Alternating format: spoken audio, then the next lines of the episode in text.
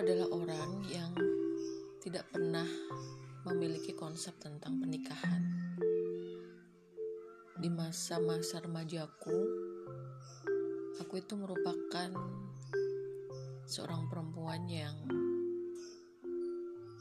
uh, barangkali bisa disebut uh, masa pubernya tuh terlambat kali ya.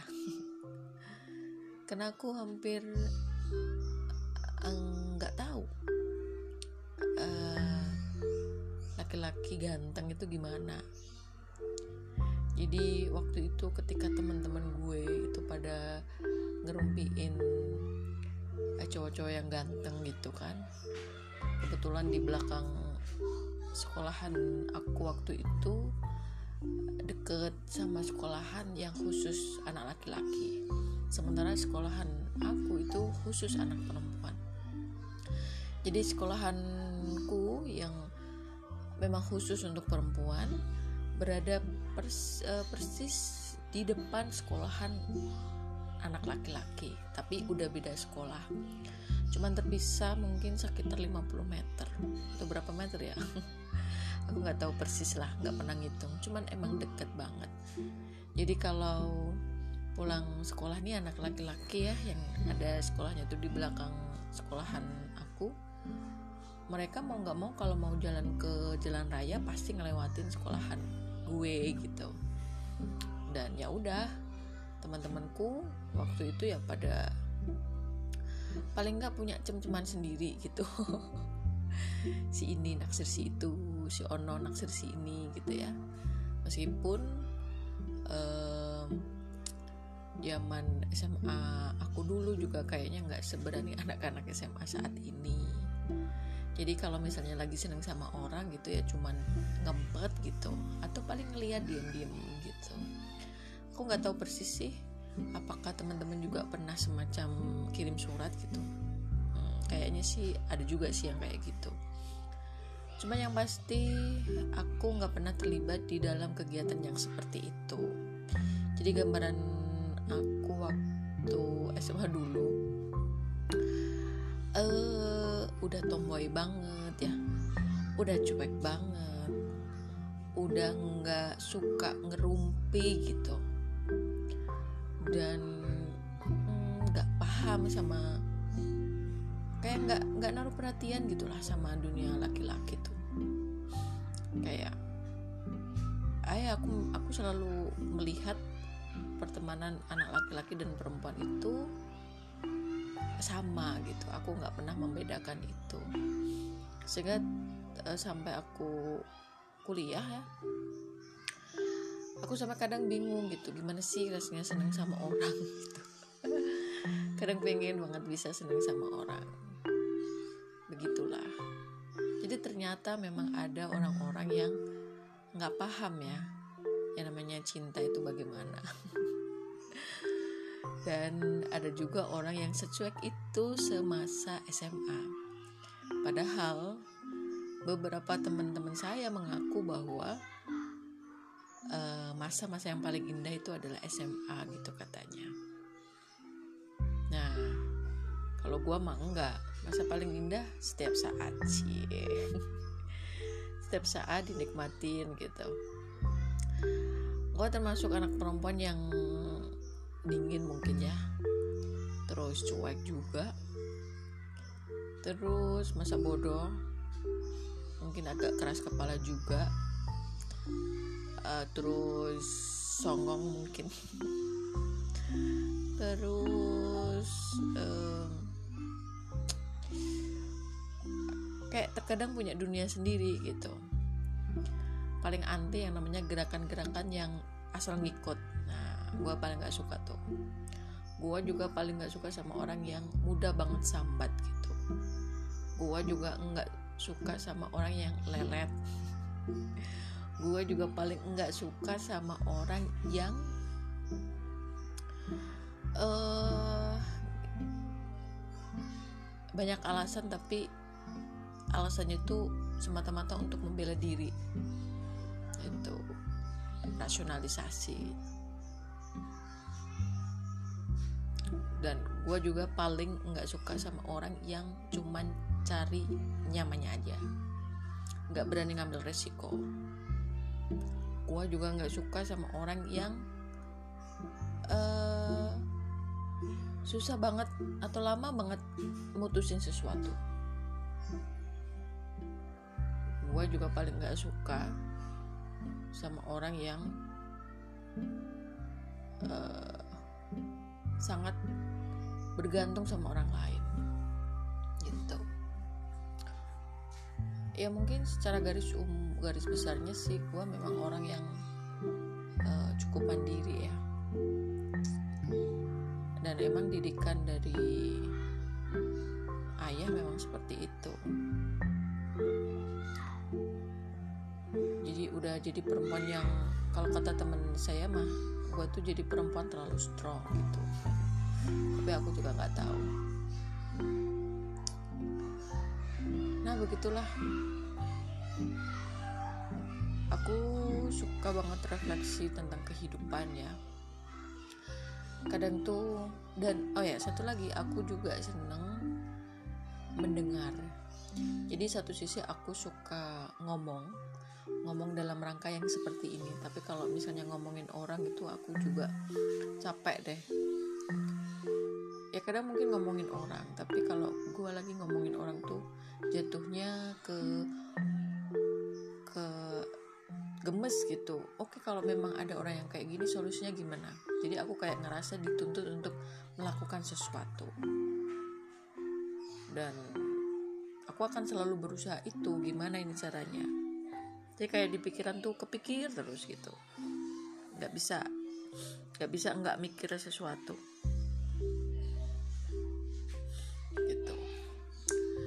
Terus uh, ketika gue mendengar cerita orang-orang gitu ya gue tuh merasa banyak pelajaran yang bisa aku ambil. Gitu. Jadi entahlah aku kayak merasa apa yang dia coba sampaikan ke aku ya itu Tuhan itu ngirim pesan-pesan tertentu gitu. Entah untukku entah untuk semesta aku juga aku ngerasanya kayak gitu.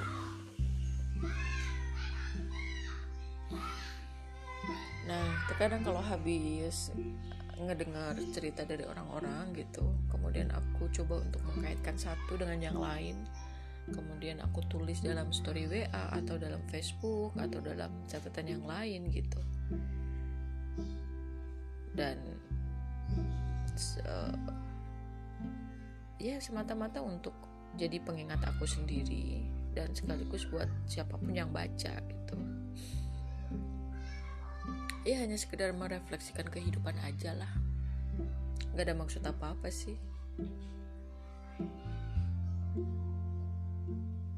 Bener kata teman saya bilang bahwa kehidupan itu tidak akan pernah tuntas untuk dibicarakan kehidupan hanya bisa untuk dirasakan.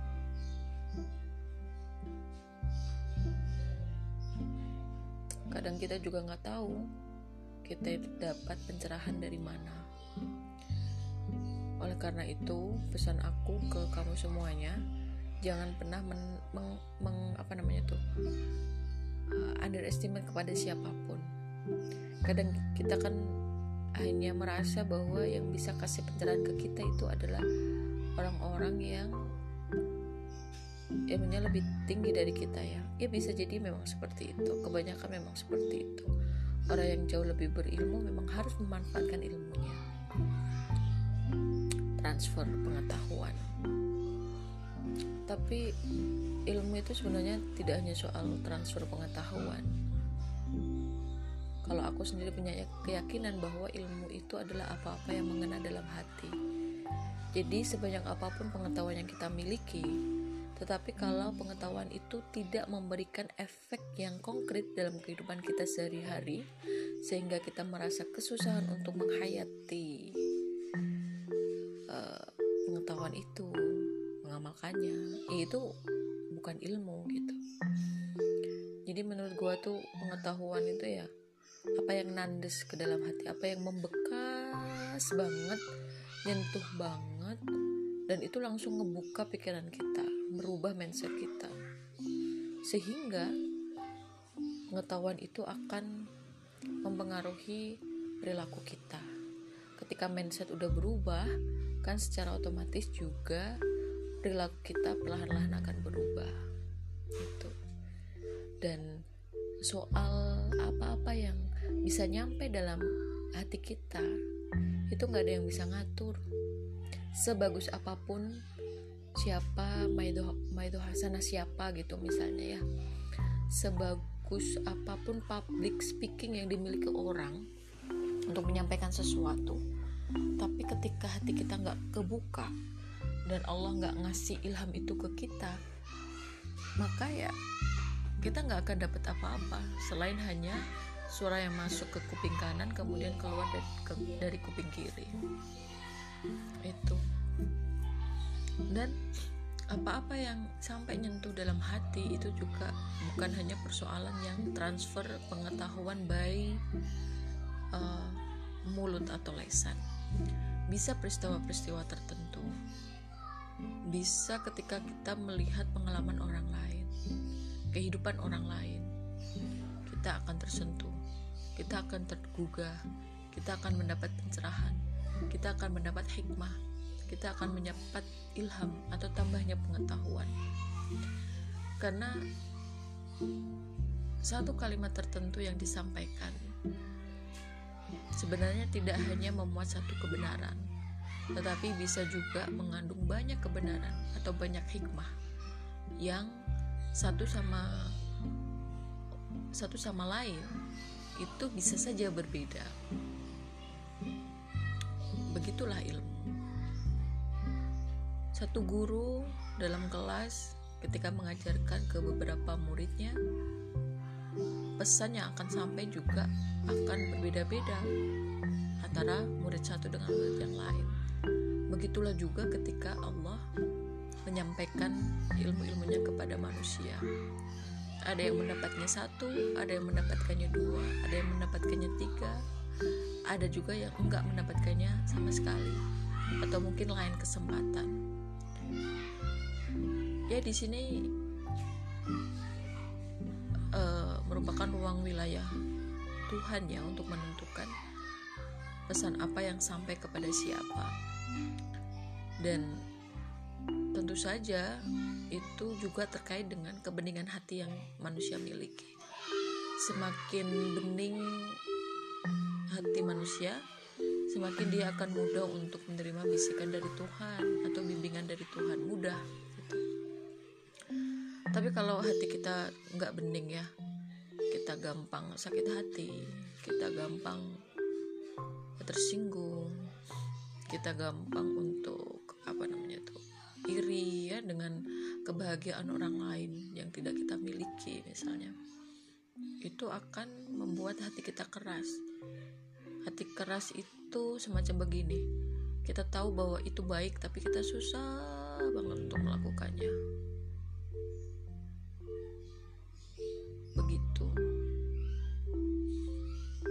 Sama seperti ketika pencuri ditanya oleh hakim. Kenapa kamu mencuri? Apa kamu nggak tahu kalau mencuri itu berdosa? Apa kamu nggak tahu kalau mencuri itu melanggar hukum misalnya? Bagi orang dewasa yang sudah eh, bagi orang dewasa yang melakukan tindakan pencurian itu tentu saja kan mereka akan mengatakan bahwa aku tahu bahwa mencuri itu dosa. Mencuri itu melanggar hukum aku tahu tapi apa yang membuat mereka tetap melakukan itu? Nah itu yang dimaksud dengan bagaimana sebenarnya ilmu itu harus tidak berhenti pada aspek kognitif saja tapi sampai pada menyentuh kolbu atau menyentuh hati. Sampai mampu mempengaruhi perilaku kita nah begitulah refleksi kita hari ini. Dan gue sendiri tuh kadang kangen ya perbincangan-perbincangan yang mendalam gitu. Untuk sekedar mudoroso gitu. Tapi toh ternyata rupanya juga tidak semua itu tidak semua orang bisa bicara yang seperti ini.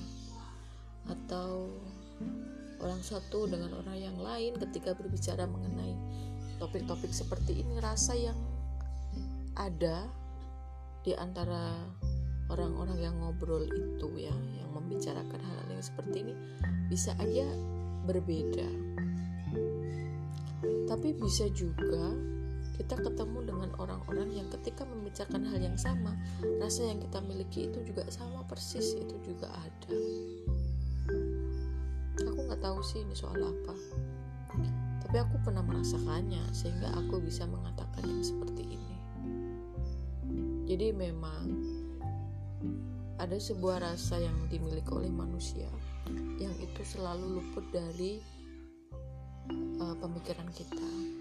Kita ini kan hidup terlalu sering untuk mengerjakan hal-hal yang sifatnya rutinitas. Hal-hal yang sifatnya hitam putih hal-hal yang melulu mengenai kognitif. Tetapi soal melembutkan rasa soal menggunakan rasa kita untuk menghayati kehidupan itu semakin jarang untuk digunakan. Itu mungkin ya aku juga nggak tahu. Yang kemudian membuat orang itu satu sama lain jadi kayak apatis gitu. Dingin gitu ketika dia punya teman kerja ya teman kerjanya hanya sebatas formalitas belaka aja. Kayak nggak ada makna gitu dalam kehidupannya.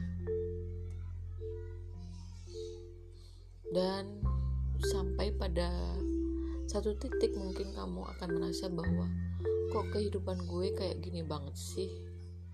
Kayak jenuh gitu. Kayak penat gitu kan ingin ke mana tapi ke mana gitu. Absurd banget kan jadinya. Ya begitulah uh, kegelisahan-kegelisahan kegundahan yang sering dialami oleh orang-orang modern. Meskipun kita sekarang nggak lagi hidup di zaman modern kan post modern tapi rupanya kita masih dibayang-bayangi oleh kehidupan yang modern padahal segala sesuatunya sekarang di zaman sekarang ini uh, memiliki pola-pola yang agak berbeda dengan pola-pola yang di zaman-zaman yang sebelumnya. Apalagi sekarang kita hidup di zaman 5.0 yang kemarin 4.0 yang tentang era disruption kemudian tentang era apa namanya penggunaan teknologi informasi. Nah sekarang kita hidup di zaman 5.0 yang berkaitan dengan humanity and society. Jadi bagaimana sebenarnya kehidupan kita di masa mendatang itu sangat ditentukan dengan uh, eksistensi manusia itu sendiri sebenarnya. Kita didorong untuk memberdayakan seluruh potensi manusia. Itu untuk menuju peradaban manusia yang bermartabat. Aduh perbincangan malam hari udah mulai agak berat. Senada dengan mata gue yang udah mulai sembab juga menahan kantuk. Padahal gue tuh suka kopi ya. Tapi kayak gue kalau seharian minum kopi mau 5 cangkir mau 10 cangkir itu gak bakalan ngefek pada mata gue gitu. Maksudnya tuh sebanyak apa pun gue itu minum kopi tetap gak akan bikin gue jadi bisa begadang. Pengen tidur ya tidur aja gitu. Pengen begadang ya bisa juga.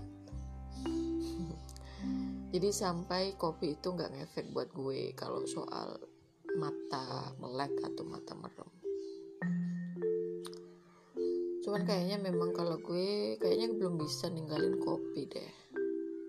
Gue gitu pecinta aroma kopi dan aroma kertas.